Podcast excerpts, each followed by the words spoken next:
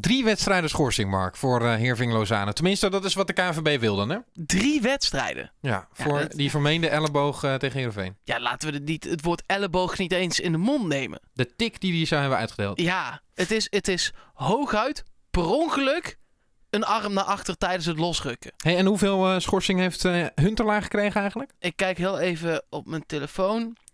Uh, nee, die heeft plus 2. Die mag na het seizoen nog twee wedstrijden extra spelen. We zijn vanaf het stadion voor een groot gedeelte met de platte kar meegelopen. De platte kar, dat is geweldig. Podcast nummer 8, Platte Kar, met Mark Versteden. En Yannick Eeling. Ja, en we hebben voor het eerst sinds tijden puntverlies te bespreken. En Ja. dat had niet gehoeven. Nee, dat had zeker niet gehoeven. En ik zit een beetje in dubio, want ik geef Hiegler heel graag alle schuld.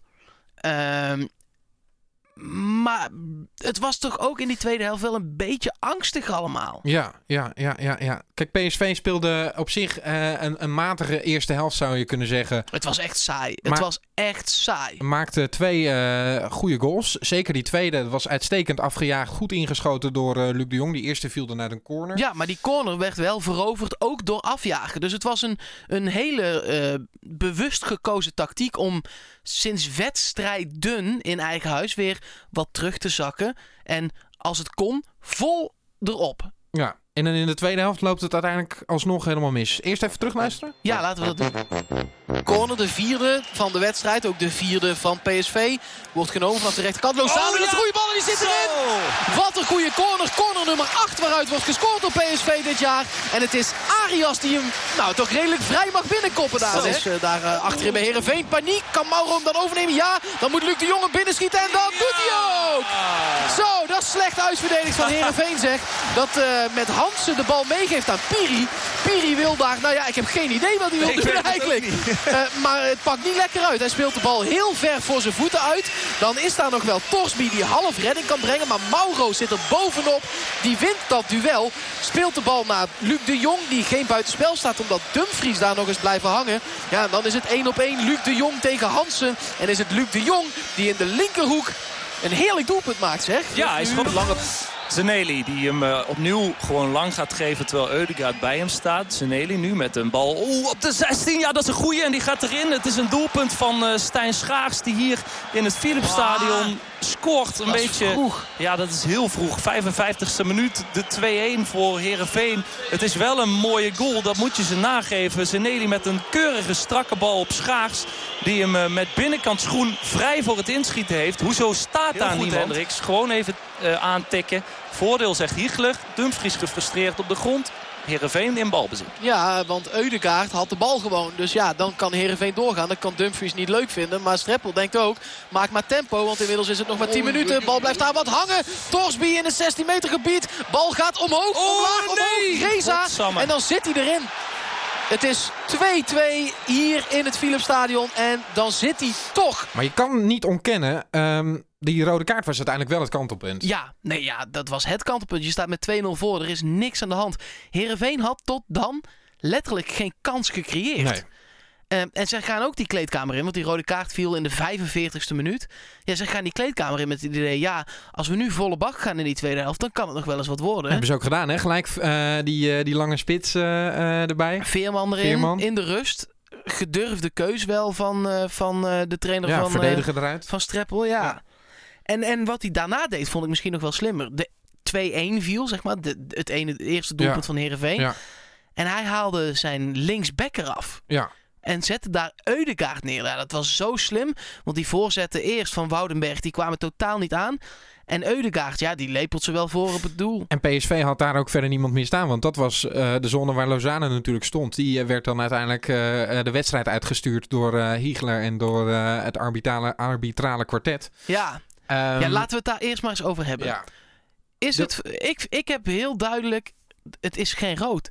Nou ja, ik vind het wel een overtreding. Ik vind het Eh, geel. want eh, hij eh, eh, belet iemand de kans om bij de bal te komen. ja. en, en maakt zich te breed en het is een wilde actie.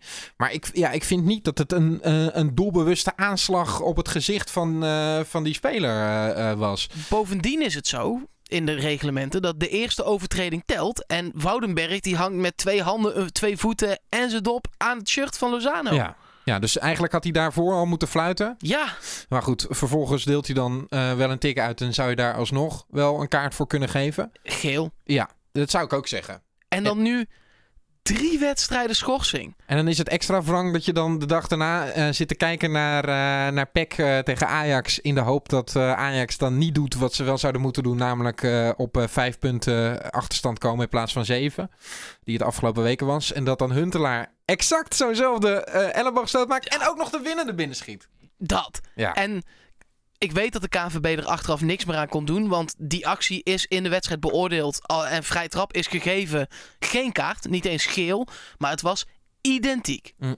Hoe kan dat dan, hè? Ja, ja geen idee. Eh, ligt het dan aan dat de ene scheidsrechter korter en feller op de regeltjes zit dan de ander? Of Ja, daar eh, ga je altijd verschil in houden. heat of the moment, eh, thuispubliek, eh uitpubliek. Mis- misschien dat er minder fel op gereageerd wordt.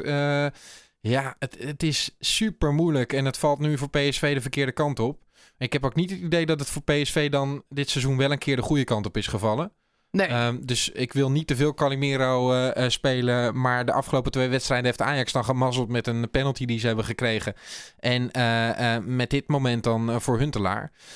Dus ja, eh, het kan ook wel weer zo werken dat PSV vanaf nu niet meer dit soort moeilijke eh, beslissingen tegen zich krijgt. Dus laten we ons daar maar een beetje aan vasthouden. ja, laten we dat dan vooral doen. En toch, ik had toch het gevoel, ook met 10 tegen 11. Kijk, Herenveen was wel aan het drukken. Mhm. Maar PSV gaat, en dat is niet alleen iets van deze wedstrijd, maar dat is echt al langer het geval, best wel slecht om, terwijl ze daar toch eh, te boek staan als een ploeg die dat heel goed kan. Maar blijkbaar in een soort 3 tegen 3 of 4 tegen 4 situatie. Mhm. Niet echt goed omgaat. Nou, Nee. niet echt goed, dat is een understatement. Belabberd omgaat met de counters die ze krijgen. Ja, super veel ruimte kwam er. Zeker omdat Streppel alleen maar verdedigerstraf aan het halen was en, en aanvallers erbij aan het zetten was. Op een gegeven moment komt er natuurlijk een kantelpunt en kun je toch uitbreken, zou je zeggen. Maar Ja, zeker toen eh, Bergwijn er nog in stond. Nou, Luc de Jong heeft best wel een aantal keer die bal goed vastgehouden. Naar de linkerkant gegeven. Dat Brenet en Bergwijn er samen al denderend overheen konden Ja. Maar dan werd het toch ja, lopen, lopen, lopen met de bal aan je voet.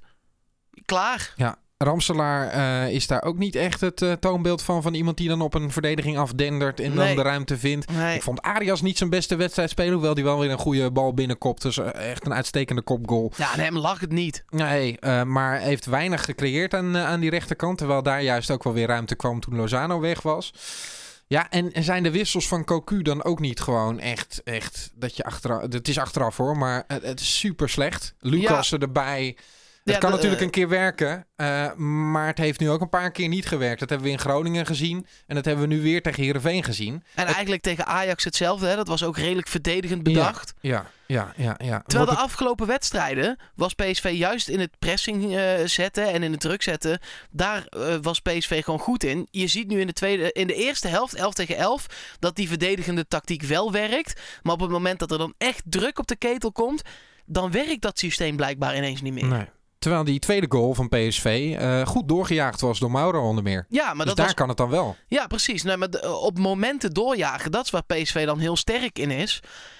En wat je dan in de tweede helft ziet, is dat die druk erop komt. Dat, dat er, ja, Bergwijn gaat eruit, Mauro gaat eruit. Eh, daarvoor komt Lucas onder andere in de plek. Ja, die is even iets verdedigerder ingesteld dan een Bergwijn en een Mauro. Ja, Cocu wil dan de pot dichtgooien, maar ja, dat werkt dan blijkbaar niet. Al, moet ik ook, ik moet eerlijk zeggen dat eh, die eerste goal is een corner. Ja. En daar staat Schaars op de 16 helemaal vrij. Ja, dan kun je met 14 man in de 16 gaan staan. Nee, maar er moet wel iemand bij hem staan natuurlijk. Dit is precies. gebeurde exact zo. Ook in de Kuip eh, met eh Filena die hem door van spelers naar binnen kon schieten te- in de beker. En dat was toen nog met 11. Dus laten we even ook normaal doen met verdedigen bij corners ondertussen. Nou, want daar was precies. ik ook wel echt boos over. Want je kunt er wel de meeste van de eredivisie maken uit een corner. Ja. Maar je krijgt er ook dadelijk het meeste tegen uit een corner. En die klutsbal van... Ja, eh, dat is gewoon een eh, klootbal. ja, dat kan gewoon een keer, eh, Ja. kan gewoon een keer gebeuren van uh, Goganejad. ja, het is Maar, eh, precies het verkeerde moment waarop het gebeurt. ja, eh, maar dat, ja, dat, dat Daar kan, je dan een keer... iets aan doen. kan je een keer overkomen als je een tegenstander hebt die tegen je aan het beuken is. Dan valt een keer zijn bal goed. Maar die corner, daar was ik echt wel, eh, wel boos over. We gaan zo dadelijk even babbelen over eh, of het dan... eh, ehm, ja, hoe we dan, of het een incident was en of de komende wedstrijden dan cruciaal worden voor PSV. Het zijn nogal wat potjes die eraan komen. Er komen wel wat dingen aan. Zullen we ehm, even wat andere dingen dan eh, doornemen? Want Mauro die eh, lijkt echt wel zijn basisplaatsje te krijgen. Hè? Ja, zeker nu het met Van Ginkel zo lang duurt. Wat, Ja. wat is daar mee aan de hand Ja, met dat Van weet ik niet. Die, die wordt misschien wel klaargestoomd voor die wedstrijd tegen Feyenoord. Dat hopen ze dan. Nou, dat vind ik dan niet heel Knieën heeft hij. Ja. Heeft hij al een paar keer gehad ook in zijn carrière. zeker. Dat is ook een van de redenen dat, dat hij eh, op een gegeven moment na de eerste verhuur bij PSV niet wilde blijven. Eh, omdat hij wilde revalideren eh, na een operatie in Engeland. Vorig bij jaar Chelsea. zomer was dit hè? Ja, precies. Oh, Daar zijn ook, daar, bij Chelsea heeft gewoon hele goede doktoren. Dus dat snapte ik nog. Ja.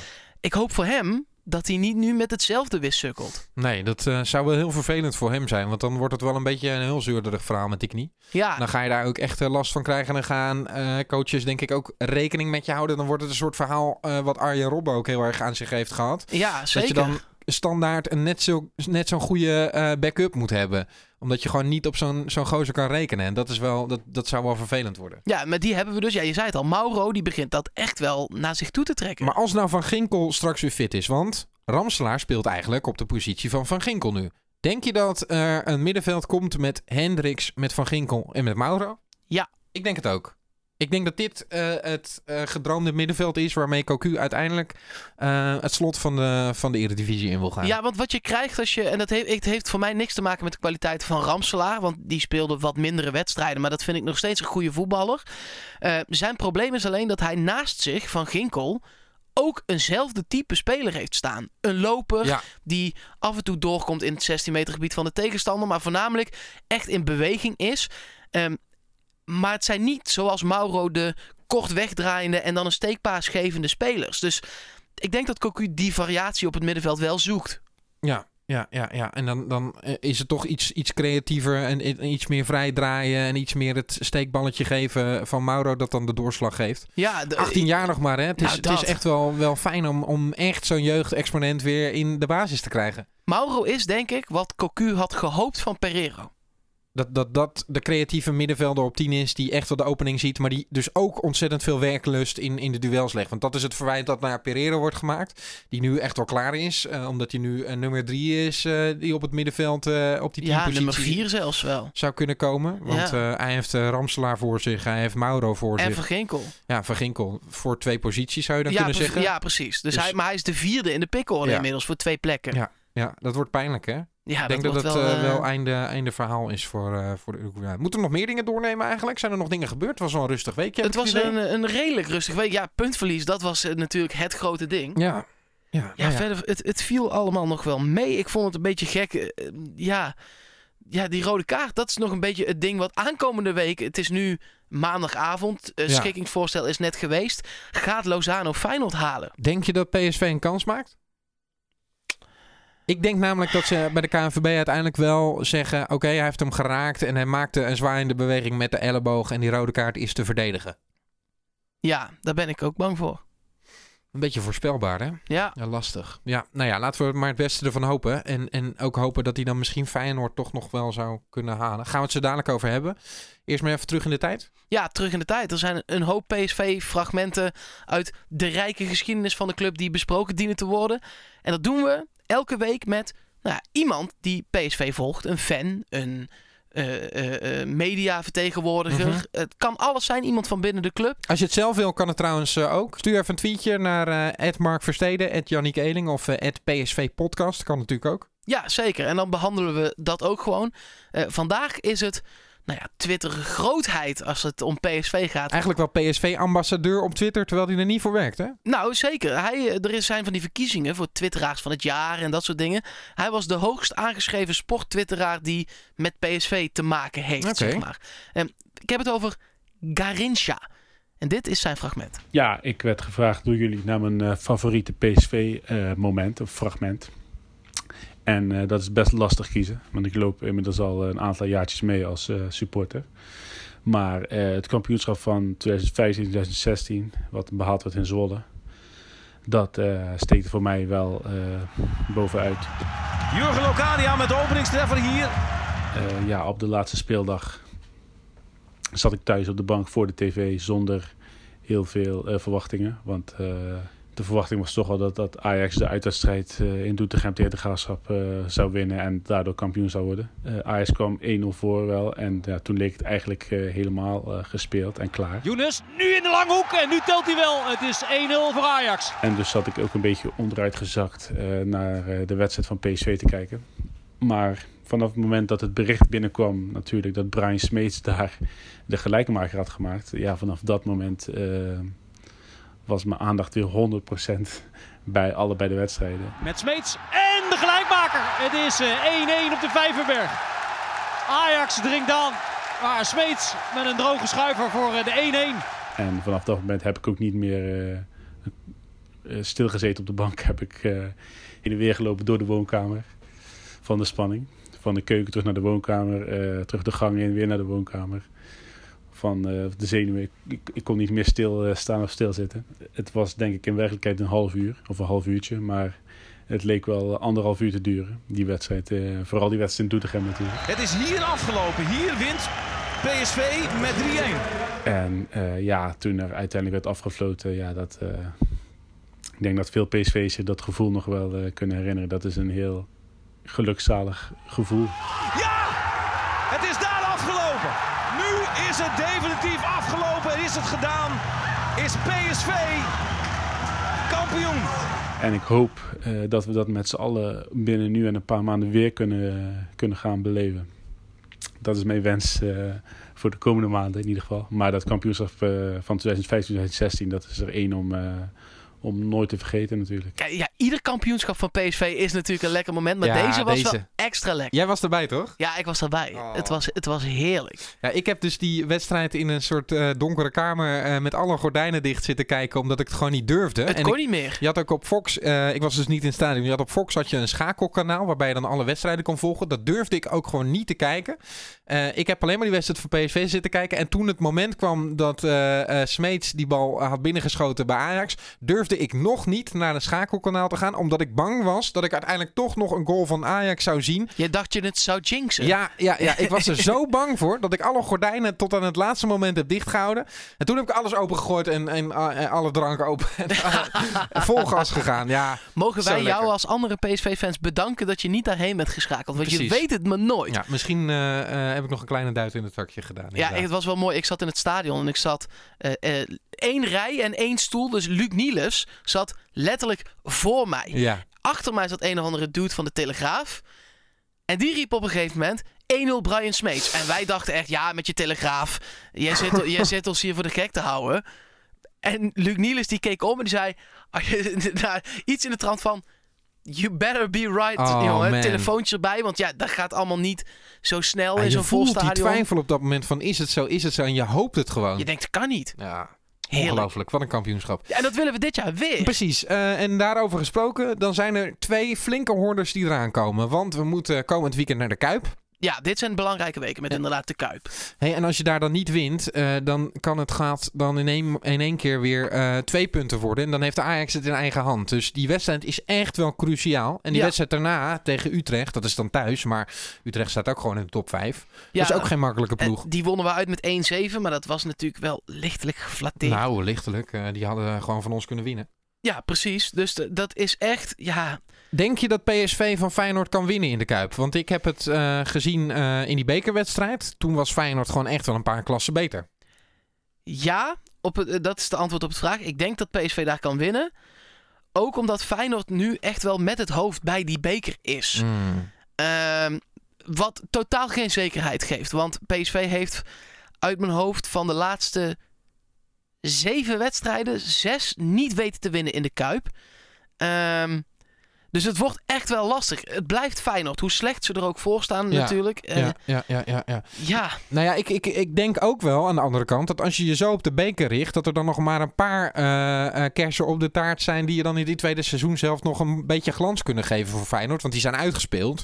Maar ja, als die nog zo'n topper eh, tegen PSV krijgen voor eigen publiek, ja, die willen toch ook wel wat bieden.